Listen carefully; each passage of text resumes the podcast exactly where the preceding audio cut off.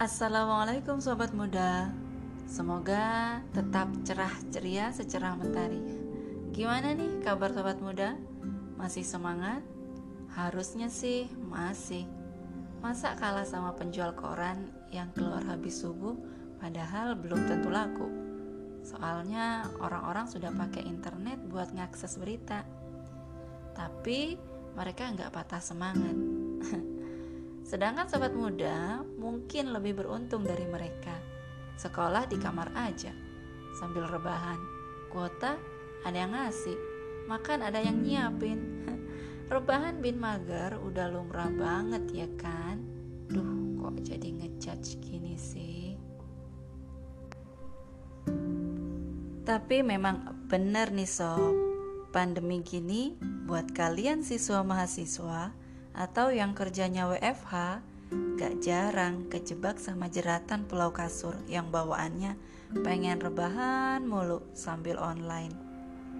Untuk tetap produktif, sebagian besar sobat muda menjadikan internet bukan sekedar alat komunikasi, tapi juga penyalur hobi. Mungkin awalnya iseng biar tetap update hal-hal baru yang lagi viral atau sengaja nyari yang fun untuk ngusir kebosanan. Tapi tidak dapat dipungkiri bahwa pada saat bersamaan ada banyak peluang bertebaran di dunia maya dan lebih mudah dengan jangkauan luas tanpa batas ruang.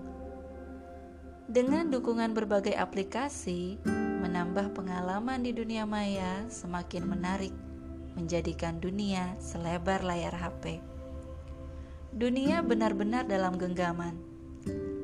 Layaknya di dunia nyata, layar HP menjadi tumpuan aktivitas untuk bertransaksi maupun mendapatkan penghasilan dengan aplikasi yang memberikan poin bernilai nominal tertentu untuk kemudian bisa ditukar dengan mata uang yang berlaku untuk setiap konten yang diunggah ke aplikasi tersebut.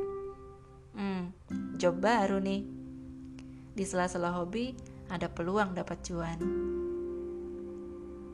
Sekilas menguntungkan, tanpa disadari pemuda sekarang menghabiskan waktu di dunianya, dunia yang ada dalam genggamannya.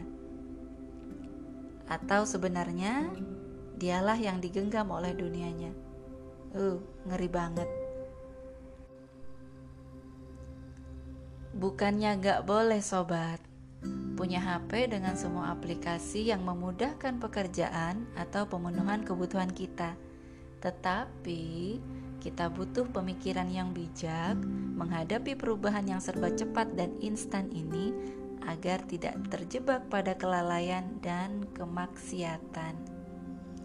Apa pun itu, hobi ataukah peluang, tetap harus memperhatikan kaidah-kaidah perbuatan yang benar agar kita tidak menyesal di kemudian hari.